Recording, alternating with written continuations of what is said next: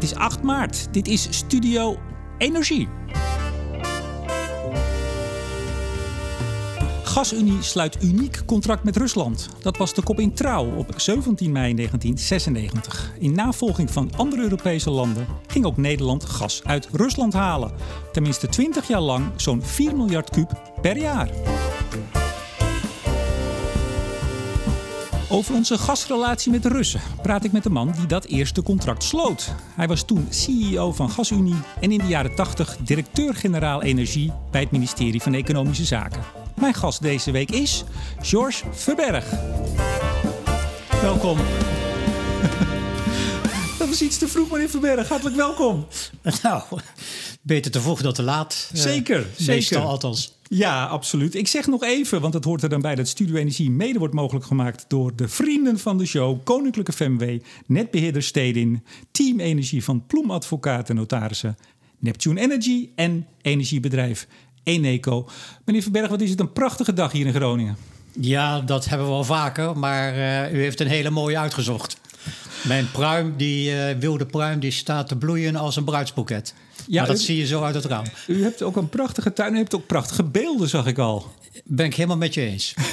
Want u bent ook een kunst. Ja, dit gaat alweer helemaal buiten de orde, maar u bent ook een enorm kunstliefhebber, hè? Uh, ja, moderne kunst, dat uh, heeft, uh, is mijn ding. Ja. Nog betrokken geweest bij het Groningen Museum? Van alles gedaan? Ik heb het een jaar mogen runnen als interim algemeen directeur om te trachten een faillissement te voorkomen. Dat is gelukt en het belangrijkste is dat we toen een hele goede directeur hebben kunnen aantrekken. Kijk eens aan. Andreas Blum. Nou, we gaan het daar uh, niet, over hebben. niet over hebben. we gaan het hebben over, over gas. We gaan het hebben over uh, een, een Nederland, het Nederlands energiesysteem. U bent daar op allerlei manieren aan verknoopt geraakt. Ik heb al twee functies genoemd. Maar u hebt er veel meer gehad daarna. U hebt nog allerlei adviesfuncties gehad bij Essent, Urenco, ECN, Wintershall. Maar u bent ook uh, president van de International Gas Union geweest. Volgens mij was u nog bij ja. Eurogas betrokken. Twee keer uh, het presidentschap van Eurogas. Ja, ja dat, was, dat was eigenlijk na uw afscheid bij, uh, bij GasUnie. Dat was 2005 uw afscheid. Ja, dat was het presidentschap van de Wereldgasorganisatie. de Europese gasorganisatie heb ik gedaan toen ik CEO was van GasUnie. Ja. Zoals gebruikelijk overigens bij de presidenten van Eurogas. Dat, dat krijg je gewoon mee met de functie? Nou, je moet er wel voor gekozen worden. Van. um, even hoor, uh, het, is zo, het is zoveel geweest. Nog lid van de Energieraad geweest, 2005, 2010. Um, u stond volgens mij klaar om te bemiddelen tussen de toen gasruzie tussen Oekraïne en Rusland. Uh, Eén keer is dat uh, zo geweest, ja. Ja, daar heb je het allemaal over deze eeuw. Um, en nog tussen 2011 en 2016 lid van de Gas Advisory Council EU-Russia.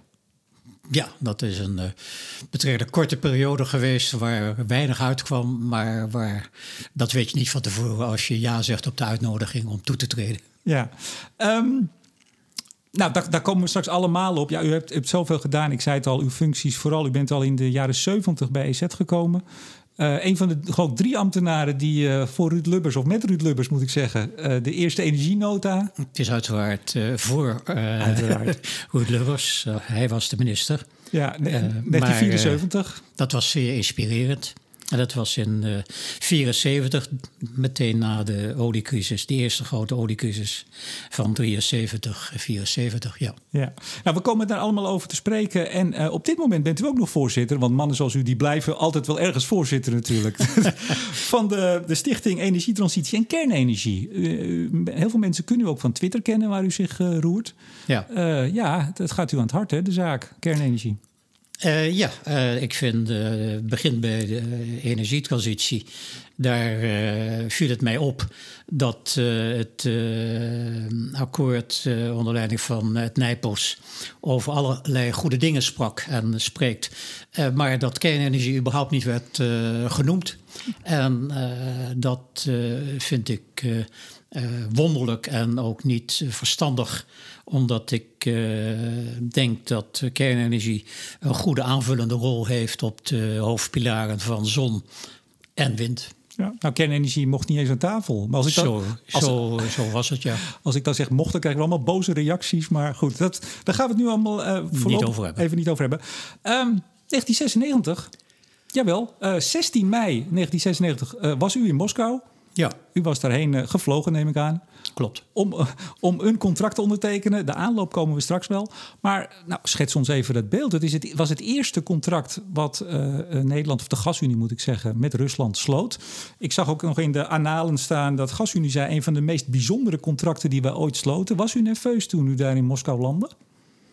Nou, toen niet, eh, want uh, alles was natuurlijk in de pakweg drie jaar daarvoor uh, voorbereid. Onderhandelingen in de gaswereld, zeker destijds, gaan niet van de ene op de andere dag. daar ben je jaren mee bezig. Dus zeker bij dit contract. ook het, de goedkeuring van mijn aandeelhouders krijgen voor dit contract nam natuurlijk ook enige tijd. Um, en mijn medewerkers hadden natuurlijk uh, alles wat nodig is om voor te bereiden, hadden zij voorbereid. Dus in die zin was het uh, geen zenuwachtig gedoe. Het was een boeiend gedoe om te zien hoe het zich nu ontwikkelde, die echte handtekeningzetterij. En te meer omdat het uh, net een uh, verkiezingsstrijd was uh, waar Yeltsin, de toenmalige president, in zat. de heer Poetin die, was nog niet echt aan het firmament verschenen. Het zou nog een paar jaar duren. Uh, en dat, uh, dat liet zich blijken. Want toen wij uh, via Kref, mijn toenmalige collega, CEO van Gazprom, de handtekening zetten en ik het ook had gedaan. ja, toen moesten wij nog wel eens eventjes voor de Russische tv tevoorschijn komen. want, zo heb ik mij later al laten uitleggen, het was voor Joodsin een belangrijk punt om te tonen dat uh, westerse bedrijven voldoende vertrouwen hadden in uh, Rusland en in de ontwikkeling van Rusland richting de goede richting. Dus meer westerse approach qua democratie en qua marktwerking. zodat hij dat kon gebruiken in de verkiezingen. Ja, want uh, nou, hij, hij, lag al erg onder vuur toen. Ik zag al uh, nog een, een, stuk in NRC, twee jaar eerder, 1994. Boris Yeltsin loopt op eieren bij privatisering Gazprom. Het is ook een beetje de jaren toen dat ja. de, de oligarchen opkwamen. Hè? Want ik zeg het even heel kort door de bocht, maar veel van de grote staatsbelangen werden verkwanseld, werden voor een appel en een ei toegespeeld. En aan, aan, ja, aan invloedrijke, althans later werden dat hele invloedrijke heren. Ja, dat, uh, met het gemak van terugkijken was dat zo. Zeker. Uh, het was een, uh, een privatisering waar uh, Jeltsin, zo schat ik in, zeker weten, ik zat er niet aan tafel daar, maar toch te weinig know-how in zijn staf had om dat goed te begeleiden. En ik kan natuurlijk ook niet uitsluiten uh, dat uh, enige vorm van uh, vriendjespolitiek ook aan de orde was. Maar dat is slechts een misschien flauw speculeren en zeker niet iets dat ik wist. Nou, hij lag, ik, ik heb nog eens nagezocht. Ik geloof dat zijn, zijn ehm, hoe zeg je dat? populariteit was tot een dieptepunt gedaald. Hij lag ver achter in de, de pols. En uiteindelijk heeft hij de steun van een aantal mediaondernemers, et cetera, ja. uh, verworven, zeggen we dan maar netjes. Ja. Die hem uiteindelijk uh, de winst hebben bezorgd. Maar um, we komen zo nog wel even op die, op die aanloop. Want daar wordt eigenlijk toch, ja, toch onze eerste band met Rusland als het over gas gaat uh, gesmeed. Tot op de dag van vandaag bestaat hij. Nou, u was daar dus. u werd voor de tv gehaald met meneer Jeltsin erbij of alleen met uw Gazprom-collega? Nee, met de toenmalige CEO Fiakerev. Ja. Nou, handtekening, wodkaatje en weer terug naar Nederland. Ja, we hadden uh, uiteraard, uh, want uh, er was genoeg te doen in, in onze agenda's, um, een vliegtuigje gehuurd. En zijn uiteraard meteen teruggegaan, want er moest gewerkt worden. Oh, niet, niet met een lijndienst? Even een vliegtuigje gehuurd? Nee, want we moesten met een stuk of zes mensen moesten wij daar naartoe. Dus dat was gegeven ook de tijd die we beschikbaar hadden. Een van de meest... Dat was het beste. Een van de meest bijzondere contracten die wij ooit sloten, zei uh, GasUnie toen. Dat zal ongetwijfeld de woordvoerder geweest zijn, maar u vond dat vast ook. Um, waarom was ja. het zo'n bijzonder contract? Om meerdere redenen. Het was uh, een uh, groot contract. Het was het grootste inkoopcontract en dat was heel bijzonder voor ons. En dat, daar kom, komt deze uitspraak vandaan die, uh, die, uh, die aanhaalt. Uh, omdat we tenslotte nog op een enorme grote hoeveelheid niet verkochte kubieke meters gas zaten. Dus dat vraagt wel haast om uitleg. Sterker nog, ik heb even de cijfers er natuurlijk bijgepakt. Uh, 1995 was de Nederlandse winning totaal Groningen en Kleine Velden 80 miljard kuub. Dat jaar, één jaar. En dit contract was dus voor 4 miljard kuub per jaar voor tenminste 20 jaar. Ja. Nou, waarom dan, meneer Verberg? Vraag, vraagt de luisteraar zich af. Waarom ging u in hemelsnaam naar die Russen voor gas? Ja, dat heeft te maken met uh, het uh, fenomeen dat uh, in de gasindustrie destijds zeer lange termijn denken toch van groot belang werd geacht. En wij hadden, wij bedoel dan, mijn staf en ik, hadden beoordeeld dat we met Groningenveld gas zeker nog wel zo'n 25 jaar verder konden. Maar dat er onherroepelijk een einde aan zou komen. GasUnie was in de jaren dat dit zich afspeelt, uh, dus de aanloop tot het contract, uh, een van de, ik zou zeggen, vier belangrijkste gasbedrijven in Europa. het waren Roergas, Gas de France, Snam, dat was de gaspoot van INI in Italië en GasUnie. ja, dat waren de echte grote belangrijke bedrijven. En wij hadden natuurlijk de drang om uh, ook uh, na Groningen, ook was dat een pas na, laat zeggen, 15, 20 jaar, dat GasUnie nog steeds een belangrijke rol zou kunnen spelen in het bedienen van onze klanten, groot en klein. Ja, en ik onderbreek u even als mag. Want GasUnie toen was dus wat we nu kennen als Gasterra, het, het, handelshuis, en GasUnie, de infrastructuur, was toen één nog. Ja. En uw aandeelhouders, u zijn net onze, of mijn aandeelhouders, dat waren toen ook dezelfde partij als nu in Gasterra. Shell 25%, Exxon 25% de staat 10% en EBN, eigenlijk ook de staat, zeg ik altijd maar, 40%. Dus Klopt, 50, en toen was het dan nog DSM Aardgas, ja. toen we daarmee bezig waren. Ja. Maar dat is dan later, nadat DSM geprivatiseerd is, is EBN eh, e Aardgas omgezet in EBN. Eh, ja. Zodat uh, de staatsparticipaties inderdaad 100% in handen van de staat bleven. Ja. Dat is op die manier gerealiseerd. Um, dus, uh, dus u wij... en uw aandeelhouders zagen ze op 2025, geloof ik, zei u, uh, of 20 jaar, ja. 25 jaar. Uh, nou, dan zou het wel eens minder worden en we willen wel door. Dat was het eigenlijk. Ja, dat was in ieder geval onze gedachte. En wij hebben daarbij bedacht dat als je bij een van de grootste aardgasreserves bezittende bedrijf, zoals dus Gazprom, terechtkomt, dan moet je zorgen dat je zelf ook groot bent. Want anders dan uh, Betaal ze helemaal een, uh, betalen ze helemaal een loopje met je.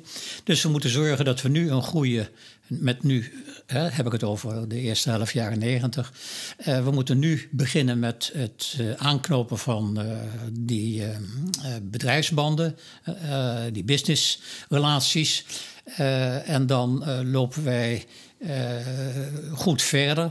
En hebben wij ook allerlei mogelijkheden om waarde toe te voegen aan dat Russische contract. Want wij hadden dat Russische gas niet zelf nodig, maar wij konden dat uh, upgraden door er een grotere leveringszekerheid aan te geven, uh, een grotere flexibiliteit aan te geven. En dat was het. Uh, door, het op te, door het op te slaan, bijvoorbeeld in gasbergen. Bijvoorbeeld. Ja. dat, dat, dat was inderdaad een van de mogelijkheden. En wij hadden intern in GasUnie onder andere het, nou ja, het halve grapje dat wij gas gingen verkopen wat dan van oorsprong uit Rusland zou komen. Maar zoals destijds, het was Intel Inside. Het was GasUnie Insight wat betreft de zekerheid, de soliditeit uh, en daarmee de aantrekkelijkheid uh, voor de, uh, onze klanten. Dat zij, waar het ook vandaan kwam, het had de soliditeit van GasUnie. Het keurmerk GasUnie. Zo is het. Stempel van kwaliteit, ja. dat was het. Ja. Nou, nou was het in die tijd... Was het idee dat Rusland inderdaad over zo'n 40% van de totale wereldvoorraad aardgas beschikte. Dat was dus een enorme partij waar als je iets wilde in Europa, ja, daar moest je dan wel zijn. Dus. Ja, dat, uh, zo was onze redenering inderdaad. Ja. Stond ook wel te grappig toen dat toen al gedacht werd dat het aandeel aardgas uh, in Europa in de voorziening toe zou nemen de jaren daarna. Nou, dat is ook gebeurd, hè? Ja, maar verder dan dat uh, het mij lief is geweest. ik ben opgegroeid met uh, de notie dat de afhankelijkheid van uh, aardgas uit Rusland niet meer dan 30% zou moeten uh, bedragen. Dat was de informele grens die afgesproken was binnen het IEA, het Internationaal Energieagentschap te mhm. Parijs. En dat daarbij konden we ons dan nog uh, comfortabel voelen. Wat niet wil zeggen dat je er geen pijn aan kan beleven als uh, het uh, allemaal verkeerd gaat. Maar dat was nog te handelen. Maar met de 40% waar we naartoe zijn gegroeid, ja, is dat gewoon een slag anders geworden. Ik zag trouwens, eh, ik heb, u merkt het al, nogal wat rapporten en, en, zaken teruglezen. Maar in 2000, want dit gas eh, zou geleverd worden vanaf 2000, 2001. 2000, ja. Er moest nog wat uh, kilometers pijplijn in Duitsland, geloof ik, worden aangelegd. Klopt dat? Mm, nou, ja, dat weet ik niet meer. Ik heb niet de indruk. Ik heb daar geen. Daar heb ik geen herinnering aan. We hebben wel eens een gascontract uh, onderhandeld waarvoor een zekere pijplijnverbinding moest worden gerealiseerd. Maar dat hmm. was voor gas van ons richting Polen. En maar dat contract is nooit hmm. gerealiseerd. Maar ik begreep dat toen in 2000 Rusland al een aandeel in... dat was toen de EU 15, waar nog 15 lidstaten... toen al een aandeel van 40% had. En inmiddels is dat toen opgelopen naar nu zo'n 45 Ja, maar goed, als je over de EU 15 spreekt... dan zitten daar toch ook landen als Oostenrijk in. Ja. En dat is ja, 100 gas. Precies. Dus uh, dat overigens had uh, Oostenrijk zich verbonden destijds binnen het Internationaal Energieagentschap om zes maanden uh, gasconsumptie uh, op te slaan als strategische reserve vanwege het feit dat ze voor 100% afhankelijk waren van Russisch gas. En dat was voor enkele andere landen ook. Ik weet niet meer welke mhm. precies, maar... Ja. Maar even voordat u uh, als, als gasunie, zeg ik even, u met de Russen uh, nou, een contract sloot. Er werd al vanaf 1977 uit Noorwegen gas geïmporteerd. Ja. En vanaf, vanaf 1992 uit, uh, uit Engeland. Ja. Waarom werd daar gas van geïmporteerd? Was het om dezelfde reden? Uh, dat, uh, de kern daarvoor, de oorsprong daarvoor is eigenlijk terug te vinden uh, in de energienota van Lubbers uit 1974, waarin er werd gesproken van het Groningerveld zo lang mogelijk een strategische um, buffervoorraad laten zijn die meeswingt met de vereisten uh, van uh, de, de, de, consumenten. Ja. en het kleine veldenbeleid zoveel mogelijk realiseren. En waar het opportun in commerciële zin enzovoorts was om wat gas te importeren, dat we dat ook zouden doen. Dus daarmee waren Engeland en Noorwegen hele duidelijke landen waar we ja, alert op waren uh, of daarvan uh, te importeren viel. Ja. Ja, in die jaren, zo vanaf begin jaren 80, zo'n 2, 3 miljard kub per jaar. Ja. Op, uh, op een totaal ja, winning in ons eigen land van 70, 80 ja. miljard kub. Dus inderdaad een klein beetje om. Want dat gas wat we importeerden, net zoals het gas van de kleine velden, zowel kleine velden op zee als op land, ja, dat werd weer in het totale gasuniesysteem uh, verwerkt uh, tot de, zeg maar de kwaliteit van, van gasuniegas. Ja, u, u, noemde het even misschien voor de jongere luisteraars Intel Insight. Dat was in die tijd, was het ja. al jaren negentig, een, een, chip in je computer. En als je dat had, dan was die computer ook heel goed. Dat zo was althans het. het. idee. Ja, zo ja. was het. Ja. Um, Even, u, u, u, hebt dus gewerkt als, eh, volgens mij als secretaris hè, aan, het, uh, aan het, uh, de eerste energienota van Lubbers. Of althans, u was zeer nauw betrokken met... Nou, ik was een van de drie ambtenaren die daarmee belast waren. En, in, en, mijn functie hield ook in dat ik secretaris was van de adviesgroep die Ruud Lubbers had ingesteld om hem te adviseren over het energiebeleid wat uh, ja, uh, voor moest krijgen. Hoe, hoe, keken we in Nederland in die tijd, midden jaren 70, hoe keken we überhaupt tegen onze energievoorziening aan? Nou, het was een, in de jaren 70 was het een, een nieuw fenomeen. In de zin dat de oliecrisis ons opeens zeer helder had gemaakt dat in belangrijke mate afhankelijk zijn van een land wat niet noodzakelijkerwijs je beste vriend is, dat dat uh, risico's uh, in zich draagt. Dat was één. Een andere belangrijke factor uh, was de notie die het eerste rapport van de Club van Rome in 72 gepubliceerd en mm -hmm. ik geloof in 71 ja. alvast gelekt ja, in ja. Nederland kwam. voor de jongere luisteraars, want die schijnt u te hebben, uh, was Nederland het, het land waar het eerste rapport van de Club van Rome, een kleine Prisma Pocket, uh, een bestseller was. Ja. Um, en uh, dat daarnaast was er als derde uh, belangrijke invalshoek uh, dat de nucleaire ontwikkeling werd ingeschat zodanig dat, dat of pakweg een 25 jaar na 70 ja, toch wel een hele belangrijke factor zou zijn in de energievoorziening van de wereld, in ieder geval van Nederland en Europa. Kernenergie. Kernenergie. Ja, oh, dat zei u. Sorry. Ja. ja. Oh, misschien ik, ik, ik zat tegelijk in me, in me, op, op een papiertje te kijken. Dus ik dacht, ik, ik, ik, ik hoor het niet goed. Um, ja, want midden jaren 70, dan komt ook dat kleine velden. Dus we hebben gezien dan wat afhankelijkheid betekent. We gaan de kleine velden eigenlijk eerst doen. Ja. Die, die wordt ook een prijs gegarandeerd, zodat ze ook kunnen leveren. Dat ze niet duurder zijn dan Groningen Nee, geen prijsgarantie, maar een uh, afnamegarantie. GasUnie was Pardon, verplicht ja, om de, het aangeboden gas in te kopen. En de prijs was natuurlijk afhankelijk van wat uh, er in de, uh, in de markt voor aardgas werd betaald. Ja, en we gingen op dat moment stoppen met het nieuwe exportcontracten. Omdat we dachten, nou, we moeten dat gas toch liefst even in zelf houden.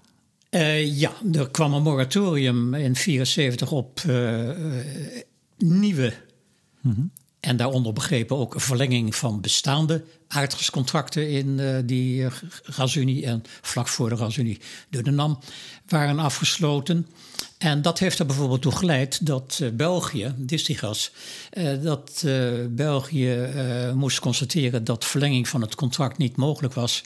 En dat ze derhalve zich gewend hebben tot Algerije, waar net LNG in, in opmars was. En dat heeft er dus ook toe geleid dat er in de Zeebrugge een LNG-faciliteit is gekomen, waardoor men daar de LNG-schepen kon ontvangen en ontladen. Ja, Nederland heeft ook wel een tijdje naar Algerije gekeken. Hè? Er zou in de Eemshaven een LNG moeten komen, maar de kosten dat waren... vele jaren later, maar dat kon niet uit. Nee, kon niet uit, hè? Nee, nee, nee. nee. Maar wat wel um, uh, uh, ook gebeurde, in 1980, dus dan zitten we 16 jaar voordat uiteindelijk dat contract wordt gesloten. Um, Gasunie onderhandelde toen met Rusland over gas. Dat heeft een paar jaar geduurd. Uh, en uiteindelijk, kop in het parool, 1983, Nederland heeft geen behoefte aan Russisch gas. Ja, ja dat, is, dat is. Soms kan de geschiedenis uh, heel uh, verrassend uh, een wende nemen. Soms aangenaam, soms onaangenaam. Um, in die tijd was er ja, toch de gedachte dat er meer behoefte zou zijn aan gas dan gedacht. Mm -hmm. En dan redelijkerwijs op een goede manier uh, kon worden uh, voorzien, uh, in voorzien door Groningen enzovoorts. Mm -hmm. Kleine velden enzovoorts. Ja. Dus toen is er een, een poging opgezet om gas in Rusland te gaan kopen.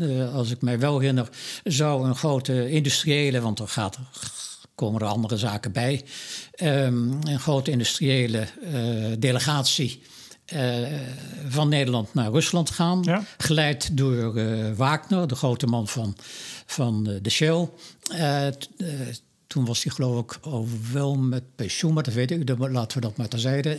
Hij was in ieder geval was het een, een grote man. Overigens een man ook die Nederland uh, enorm heeft geholpen in de eerste oliecrisis. Want hij zorgde ervoor dat uh, de uh, Shell-tankers die met olie geladen werden in het Midden-Oosten... die mochten vanwege die boycott niet naar Amerika en niet naar Nederland varen.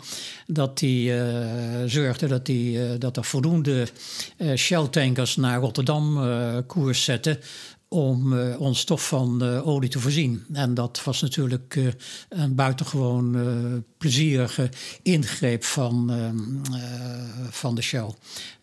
onder Wagners leiding. Maar terug naar waar we het over hadden, de industriële delegatie naar Rusland. die werd op het laatste moment zo ongeveer afgeblazen, omdat blijkbaar, dat hoorde ook pas een jaar later, ehm, er de geologen en andere specialisten van Shell in de gaten hadden gekregen dat het Groninger gasveld nog groter was als eh, eind jaren 70 gedacht was.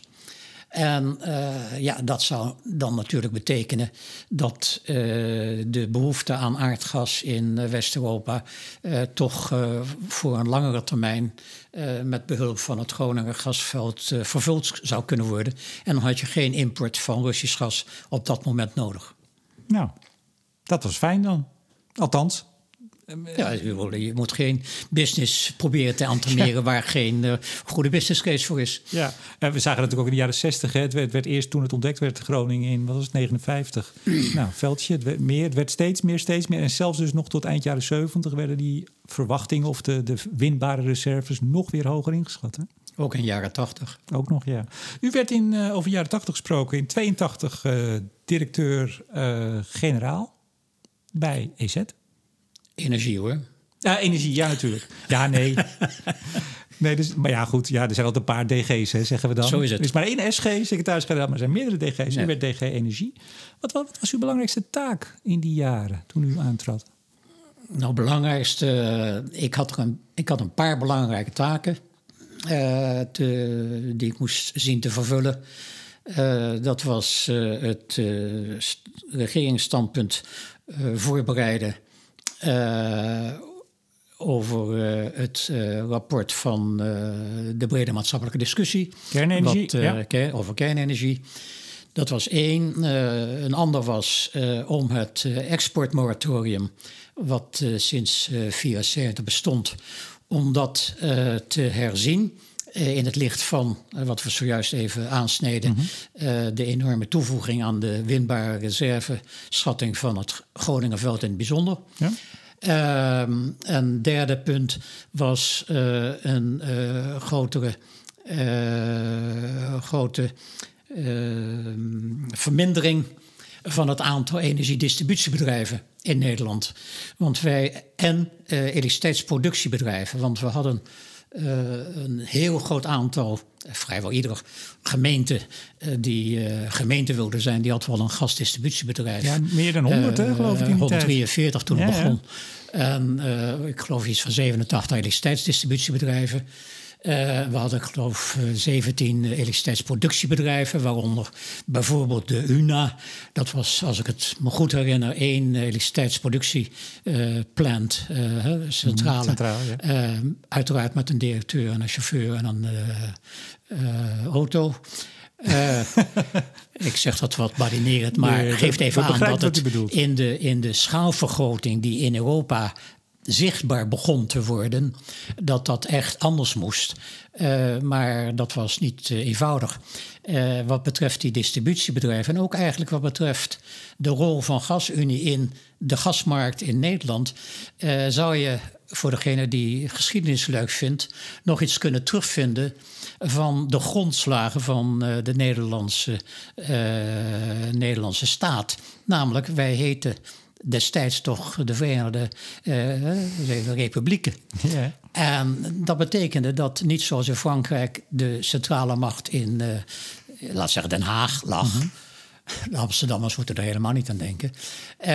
maar in de provincies. dat waren de belangrijke centra van macht.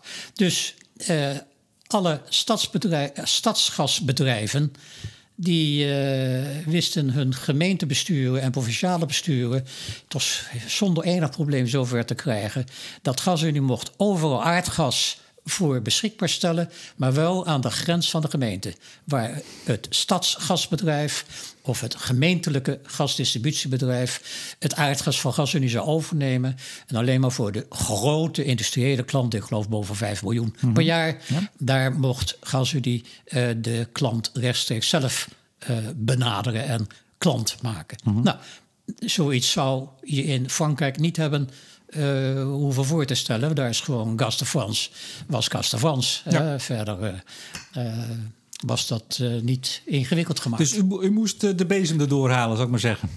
Nee, dat moest ze zelf doen, maar ik moest dat stimuleren uiteraard. Hè? In Den Haag stimuleer je vaak. Zeker. Maar we gaan, we gaan even verder op het, op het gas, want een van uw taken was dus ook om weer nieuwe exportcontracten. Ja. Nederland moest, moest voort in de vaart der volkeren. We hadden veel gas en we konden dat verkopen en te gelden maken. Dat was wel het idee. En, en ja.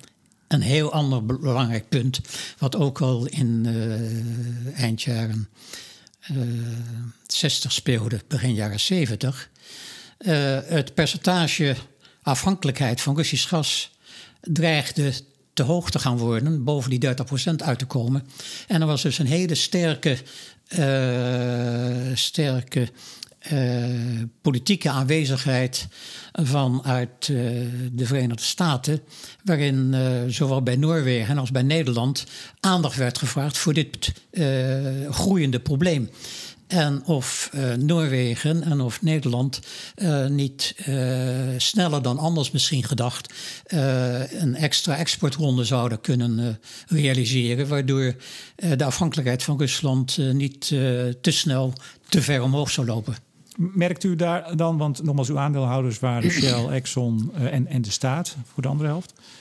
Merkt u daar dan ook druk van, of de private kant of de publieke kant op dit dossier? Ja, druk. Ik bedoel, je werd, uh, je werd daar. Uh, je had daar gesprekken over. Ik was, hè, we hebben het over de tijd dat ik uh, directeur-generaal energie was. Als zodanig was ik co-voorzitter van de Nederlandse delegatie bij het IEA. Um, ehm, en uh, Postumus Meijers, overleden ex-collega, directeur-generaal van Buitenlandse Zaken. die wij tweeën kregen dat in de vergaderingen en vooral aan marge van de vergaderingen kregen we dat heel uitdrukkelijk te horen en gingen we over in gesprek om een, een, een, een, laat zeggen, een zekere grappigheid, als je dat zo wil noemen. Maar dat mag je gerust grappigheid noemen. Wij, Nederland was een betrekkelijk klein land. Uh, als je kijkt naar de totale ledenbestand, ook toen van het Internationaal Energieagentschap. Uh, Noorwegen idem dito. Maar niettemin bij het belangrijke diner. Uh, de avond voordat de echte vergadering plaatsvond, werd er altijd door de executive director van het EA een diner aangericht. En daarin werden stevast Noorwegen en Nederland uitgenodigd om mee te kunnen doen uh, mee te kunnen eten met de mensen van nou ja, de Verenigde Staten, Engeland, Frankrijk, Duitsland, Canada, Japan, hè, Italië. dat waren natuurlijk de grote, grote jongens. Maar omdat wij zoveel gas hadden, net zoals de Nooren, en we hadden ook nog een hele grote belangrijke oliehaven Rotterdam. Ja, dat gaf ons een ticket voor uh, dat uh, gratis diner. Ja, nou, gratis diner altijd fijn. Maar inderdaad, in die jaren, want we hebben gezien de afgelopen jaren het, het verzet en de, het ageren van de Verenigde Staten tegen Nord Stream 2. Maar in die jaren, en zelfs in de kranten stond het uh, ruimhartig. Ik heb een heerlijk weekend gehad, kan ik u zeggen, met alle krantenartikelen nog eens nalezen hierop. Maar Amerikanen ageerden fel tegen mogelijk meer gaslevering door toen nog de Sovjet-Unie. Want we komen zo op de val van de muur.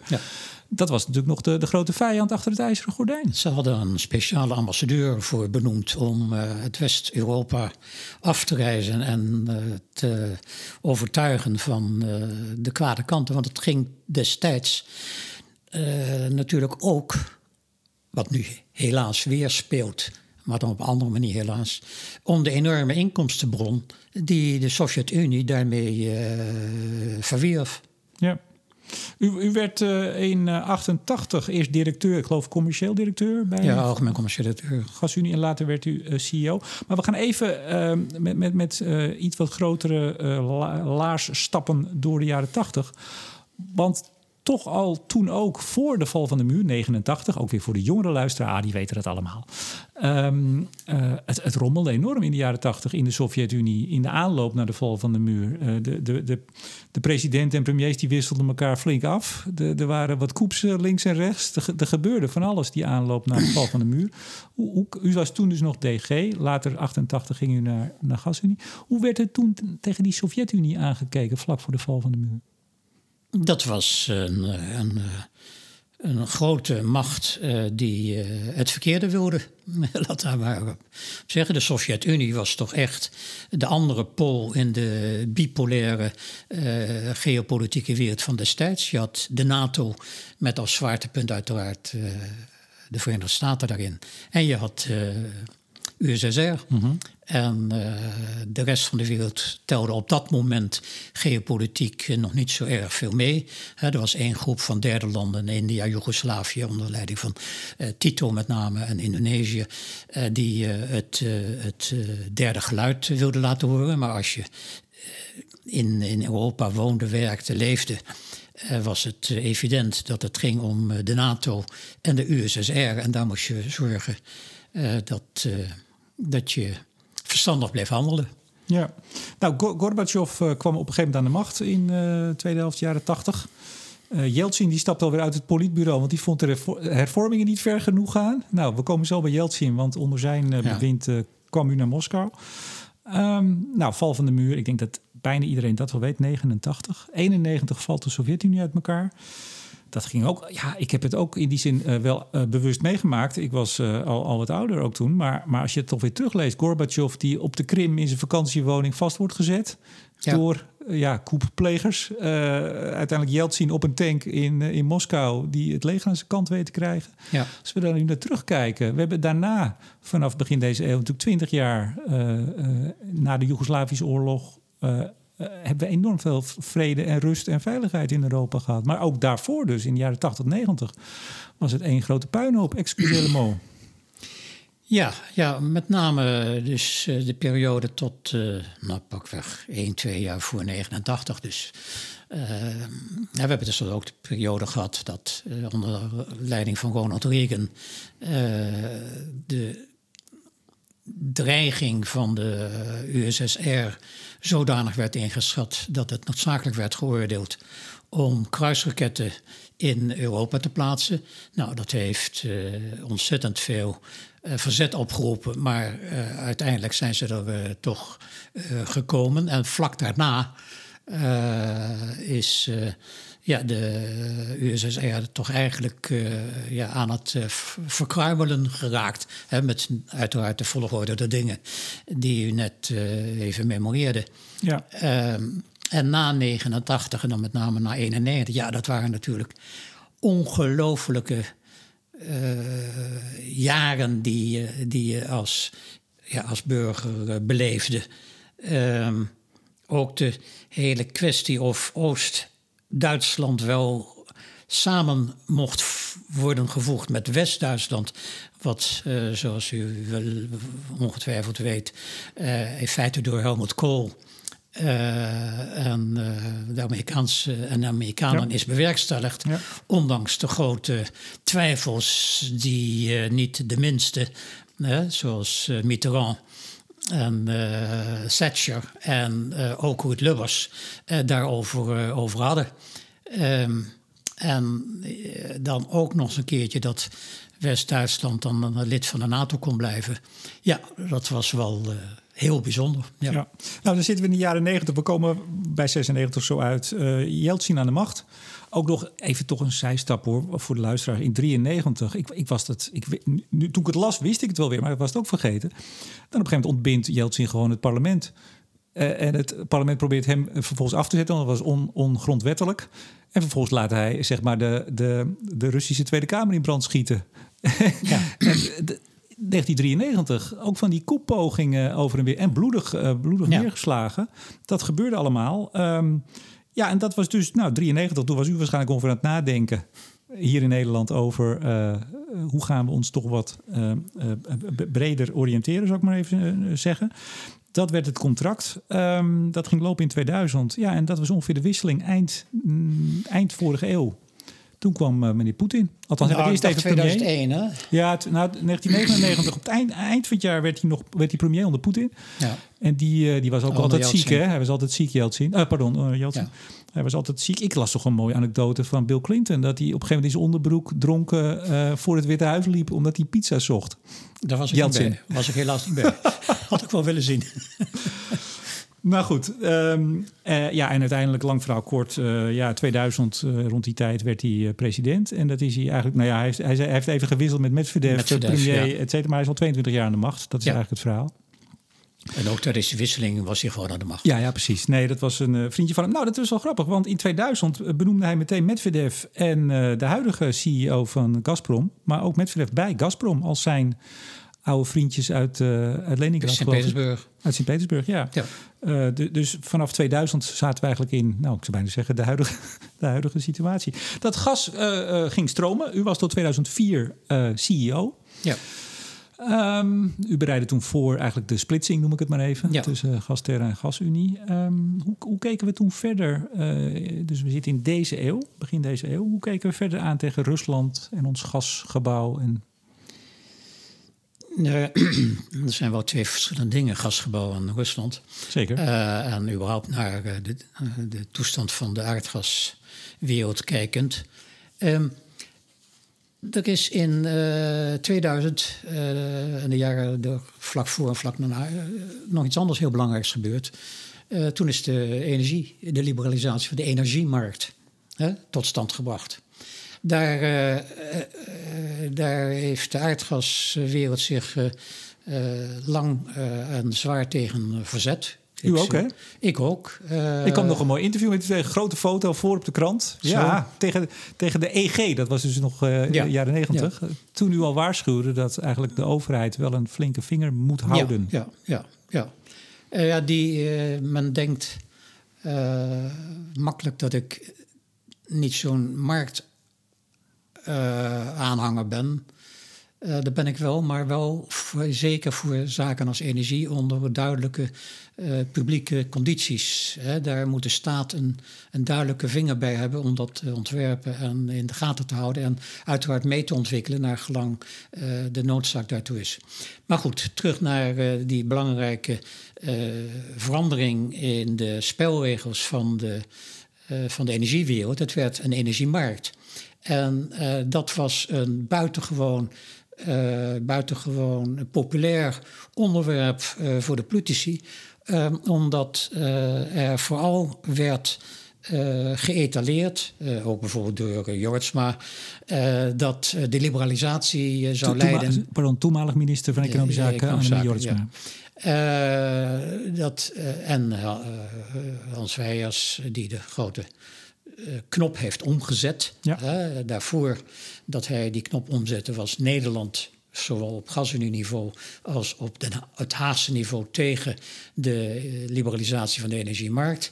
Op een gegeven moment heeft uh, Hans Weijers een, uh, een uh, wende in zijn energiebeleid aangebracht. En was hij bereid, was Nederland bereid om uh, ja, te, te, gaan liberaliseren, mee te gaan doen met uh, de voorstellen die uh, uit de Europese Unie tevoorschijn kwamen.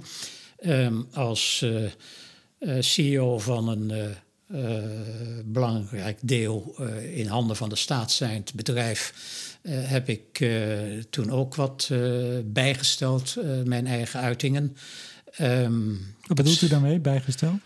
Nou, en uh, bijgesteld dat ik uh, heb laten weten dat GasUnie zich kon voorstellen dat op de wholesale-markt, dus de, groot, uh, de grossiersmarkt, groothandelsmarkt, groothandelsmarkt dat daar de marktwerking een goede zaak zou kunnen zijn, maar niet voor de kleinverbruikers.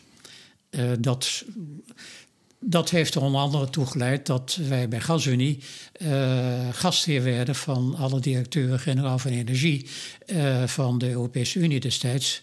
Uh, om ja, een gesprek te hebben over van zullen we toch niet die stappen richting energieliberalisatie, marktliberalisatie, mm -hmm. zullen we ingaan. En daar is een hele belangrijke knoop doorgehakt van dat gaan we doen. Ik heb daar overigens helemaal verkeerd ingeschat dat je en ja, je maakt een heleboel fouten, natuurlijk ook. dat je het zou kunnen stoppen bij de groothandelsmarkt. Dat is ja. achteraf gezien is dat, was dat gewoon een domme fout. Maar het zij zo. Zeker, we maken allemaal fouten. Ja. dus dat, dat was een belangrijk gegeven. En dat, dus de verwachting was dat de prijzen naar beneden zouden gaan. Wij hebben vanuit de gaswereld heel uitdrukkelijk gewezen op het fenomeen dat dat misschien wel voor een tijd zo zou zijn, maar dat uiteindelijk de marktfundamentals zouden uitwijzen of de prijs omhoog zou gaan of omlaag. Nou, dat is veel later tot uitdrukking gekomen. Een ander punt waar we op wezen is dat de voorzieningszekerheid daar, eh, dat dat niet vanzelf eh, zou lopen. Uh, dat weten we nu ook. Uh, waarom was die voorzieningszekerheid ook uh, geen gelopen race in een marktwerking, als die niet voldoende van condities zou worden voorzien door de overheid? dat de lange termijn TKP-contracten, oftewel de lange termijn leveringscontracten, die zorgden ervoor dat de klant eigenlijk altijd zijn gas kreeg, de precieze prijs, dat werd per periode mhm. nader bepaald.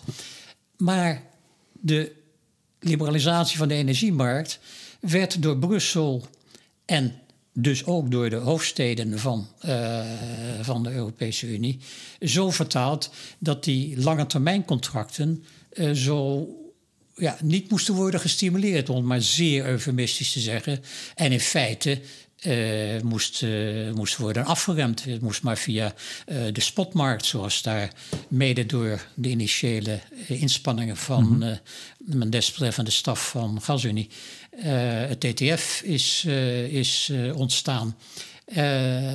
want het zou allemaal vanzelf gaan. Hè? Als er op een gegeven moment ergens te weinig gas was, doordat er geen gas werd aangevoerd, nou, dan zou er wel gas aangetrokken worden via TTF van een andere bron. Nou, het blijkt dat daar toch wel enkele uh, haken en ogen aan zitten, uh, waardoor we nu uh, ja, wat reparatiewerkzaamheden hebben te verrichten. U, u zegt het heel eufemistisch. Ik kwam nog in het jaar 2000, kwam de Europese Commissie met een groen boek op weg naar een Europese strategie voor een continue energievoorziening.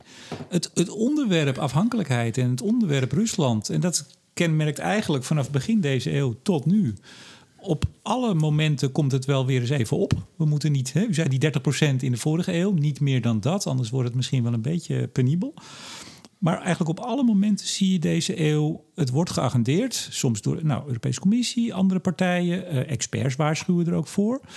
Uh, ik kwam nog, uh, nou, dan schiet me even wie dat was. Maar in ieder geval ook het beroep van dit moet niet alleen bij economische zaken zitten, maar ook bij buitenlandse zaken. Energie is geopolitiek, daar, daar werden pleidooien voor gehouden. Um, nou, we hebben 2000, nou ja, even kijken, we kregen al 2005 het, het, start van het gasconflict uh, Rusland-Oekraïne. Waarbij we toch zagen dat Rusland uh, genegen was om gas in te zetten als, uh, als wapen. 2014, eh, nou, MH17, de inval, noem maar op, bezetting van de Krim. En eigenlijk zie je door al die tijd heen dat we uh, niet, zoals we nu uh, zeggen, te proberen onze afhankelijkheid af te bouwen. Dat gebeurt niet. U hebt al die jaren in allerlei hoedanigheden niet meer bij GasUnie, was bij 2004 ging u weg. Hoe hebt u daar tegen aangekeken? U hebt daar jaren in gewerkt. U zat nog in allerlei functies. Hè? Ik zei net al, die International Gas mhm, Union, et cetera. Hoe hoe, hoe ging dat toen? Hoe, hoe, dacht men toen? Even terug naar 2005, 2006, toen uh, de eerste uh, grote hiccup tussen Rusland en Oekraïne optrad ten aanzien van gas. Uh, dat werd in mijn waarneming vooral beheerst doordat de toenmalige personen die aan het stuur zaten in Oekraïne ja, echt dingen deden uh, die mij ook tot afsluiten zou hebben gebracht. Uh, hè, als het een klant van mij zou hebben getroffen. en dan, moet je denken aan corruptie, het aftappen van uh, belangrijke gasstromen. En dat gas dan uh, zelf verhandelen naar Joost mag het weten. Dat is onomstreden, dat is gebeurd. Dat, dat, dat heeft zich afgespeeld in, in, in, in, die jaren. En dat heeft ertoe geleid dat Rusland op een gegeven moment daar gedaan heeft wat, wat je net aanhaalde. dat er een, een stop werd aangebracht. Twee dagen. twee dagen. Maar het was wel een koude winter op dat moment. dus dat tikte meteen aan. Um, dus uh, dat was. Uh, en Poetin was toen wel aan bewind, maar had zich nog niet. Uh, in ieder geval in mijn geheugen niet gepresenteerd als de man van zeg maar na 2011, hè, toen 12. Mhm. toen, toen die steeds duidelijker werd dat hij toch een heel andere agenda had. En nog even terug naar de Oekraïne. Je moet niet vergeten dat toen de USSR eh, uit elkaar viel, was dat een enorme operationele problematiek voor Gazprom. Want omdat het één USSR was waarin Gazprom opereerde en ook zijn exportcontracten uh, moest realiseren, waren tal van uh, pijpleidingen liepen door de Oekraïne, gasbergingen om hiccups mm te helpen voorkomen, compressorstations die waren in de Oekraïne gevestigd. Toen Oekraïne en Rusland en nou ja, tal van andere delen van de USSR ieder hun eigen zelfstandigheid kregen, had Gazprom dus daarmee een groot probleem. Dat betekende dat het aftappen van gas het, en, en, andere handelingen die je corrupt mag noemen, dat dat onder Oekraïne viel en niet in Rusland viel. Nou, dat even als zijlicht op, op, die, op die, die kwestie. En Poetin is, ja, geval wat mij betreft, toch eigenlijk pas echt in 2008 in die richting. Hmm. Is hij steeds duidelijker geworden dat die man een volstrekt andere agenda had dan wij in het Westen dachten. Maar we hebben vanaf dat moment, en het werd zeker in 2014 met uh, toch de inval, moeten we maar zeggen, in, in Oekraïne. Uh, althans het steunen van de separatisten en de Krim, et cetera. Het, het heeft ons niet gebracht tot het versneld, uh, in ieder geval verlagen van onze afhankelijkheid. Ja, ik denk dat dat met tenminste twee belangrijke punten heeft te maken. Eén is uh, dat er een lange tijd hoop was, die ik ook een lange tijd niet gek vond, zelf daar ook aan dacht. Uh, dat als je maar goed met elkaar handel bedrijft, veel handel bedrijft, dan word je van elkaar afhankelijk en uh, leer je elkaar kennen en ga je steeds beter met elkaar om. We hebben bijvoorbeeld, toen we dat hele grote contract sloten, het grootste contract ooit gesloten door een Nederlands bedrijf. In 96. In 96. Uh, toen hebben we, uh, zijn we gaan nadenken. We zijn nu voor twintig jaar met elkaar in de echt verbonden. En misschien wel langer als het goed gaat. Uh, wij moeten meer leren van de Russen. Toen hebben we twee belangrijke dingen gedaan. Ja, belangrijk. Wat is belangrijk in deze wereld? we hebben gedacht, wij willen naar Nederland, en je kan als het goed lukt, naar een deeltje van West-Europa uh, trekken. Belangrijke uitingen van de Russische cultuur. Dus we hebben met het Groningen Museum hebben we ervoor gezorgd dat we een hele serie zeer goed geslaagde tentoonstellingen met Russische kunst. Hè, de, de tentoonstelling van Repin was de absolute topper. Dat er iets van veel 300.000 plus bezoekers naar, uh, naar, naar Groningen. Groningen. kwamen. het Diaghilev Festival hebben we gedaan. Dat was ook een. een er waren allerlei culturele uitingen die naar Groningen werden gehaald, omdat wij wilden duidelijk maken dat er in Rusland zoveel is te genieten van een cultuur. U, u begint helemaal te glimmen. Ja, het is ook prachtig. als je aan de muziek denkt, uh, of het Tchaikovsky is of. Oh, dat mag niet meer. Dat mag niet meer uitgevoerd worden. Op dit ja, moment. dat denken ze in, Haar, in Haarlem, maar daar hebben ze het mis. maar even, meneer, meneer Verberg. En het ah, andere was een, een, een, een uh, postdoctoraal onderwijsinstituut voor de gaswereld. Ja, maar ik bedoel, ik heb die tijd, ik zat er toen niet in die wereld. U wel. Ik lees, ik kan alleen lezen en met mensen praten over die tijd. Het, je, je, ziet daar heel sterk dat het de gedachte is inderdaad wat u zegt. Want het, 2015 Henk Kamp nog. Als dus al, we hebben de MH17 al gehad. We hebben ook de, het vastzetten van Greenpeace-activisten in, in Moskou. We hebben nog meer akkefietjes gehad. Ik geloof een Nederlandse diplomaat die uh, in zijn flat ja, wordt aangevallen. Ja. Er, waren nare dingen gebeurd. Het was een moeilijke tijd toen in de verhoudingen. Je ziet dan wat er ook gebeurt, zo vanaf eigenlijk uh, midden jaren negentig, het idee lijkt te bestaan, vraag aan u, van als we nou maar samenwerken en contracten hebben en handel drijven, dan, nou, dan, dan blijven we ook vrienden, vrienden hè, in de echt verbonden, zegt u. Was dat nou echt het hogere doel, die vrede ook bewerkstelligen, of was het toch ook gewoon, uh, we hebben gas nodig, punt? Nee, want we hadden het gas op zich niet, uh, niet nodig. Uh, want ook toen, over de termijn waar, waar je nu over spreekt, was er voldoende gas aanwezig uh, in onze eigen. Nee, maar goed, toen was het 2015 en toen was het einde van, van ja, ons maar in 2015 kon je toch ook alweer 25 jaar verder kijken, want iedere keer kan bleek, maar. bleek dat er wel weer meer kwam. Nee, uh, uiteraard, de business was uh, belangrijk, maar er was toch een gevoel dat, dat het elkaar met elkaar omgaan, uh, dat dat zou helpen om uh, elkaar zodanig te leren verstaan dat we niet hoefden te denken aan, uh, aan oorlog. Want ook dan, en ook dat zegt minister Kamp op een gegeven moment, maar dat hebben, hebben er meer gezegd. En dat was ook zo, dat tientallen jaren de Russen ook nog, hè, want ze hebben al veel eerder geleverd dan andere landen, hè, al vanaf de jaren 70 geloof ik, in, aan Europese landen. Dat ze eigenlijk ondanks alle spanningen, of het nou Sovjet-Unie was, of het Rusland was, of het wat dan ook was, dat er altijd goed geleverd werd. Dat was een soort kernwaarde die ook in de Nederlandse politiek gold. Van wat er ook gebeurt, ook al gaan dingen mis, het zal altijd wel goed gaan. Ja, dat is een, eh, een, een bekende opvatting. A, is het waar. Uh, Nog steeds, tot op de dag van vandaag. Tot, vandaag. Hoe gek het ook klinkt. Is het in hoge mate. Ze sturen alleen geen spotgas de markt op. niks extra's. Niks, niks extra's, zoals dat dan op een andere manier wordt genoemd. Uh, dus uh, de Russen hebben wat dat betreft prima gehandeld om ons in slaap te sussen dat die gasstroom wel zou blijven komen. Maar als je het hebt over, en dat is iets wat ik pas zeg rond, laat zeggen 2014, 2016 uh, ben gaan beseffen toen ik merkte wat Poetin in zijn eigen land steeds sterker ging doen, uh, dat het een potentaat werd.